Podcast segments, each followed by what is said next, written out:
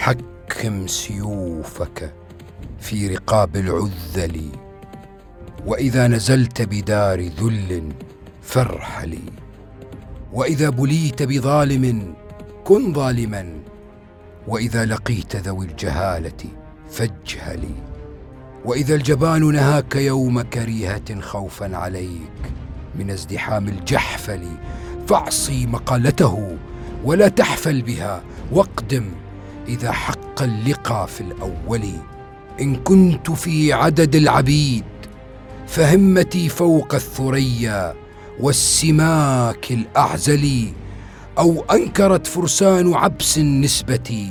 فسنان رمحي والحسام يقر لي وبذابلي ومهندي نلت العلا لا بالقرابة والعديد الأجزل. وأنا ابن سوداء الجبين كأنها ضبع ترعرع في رسوم المنزل قد طال عزكم وذلي في الهوى ومن العجائب عزكم وتذللي لا تسقني ماء الحياة بذلة بل فاسقني بالعز كاس الحنظل ماء الحياة بذلة كجهنم. وجهنم بالعز أطيب منزلي.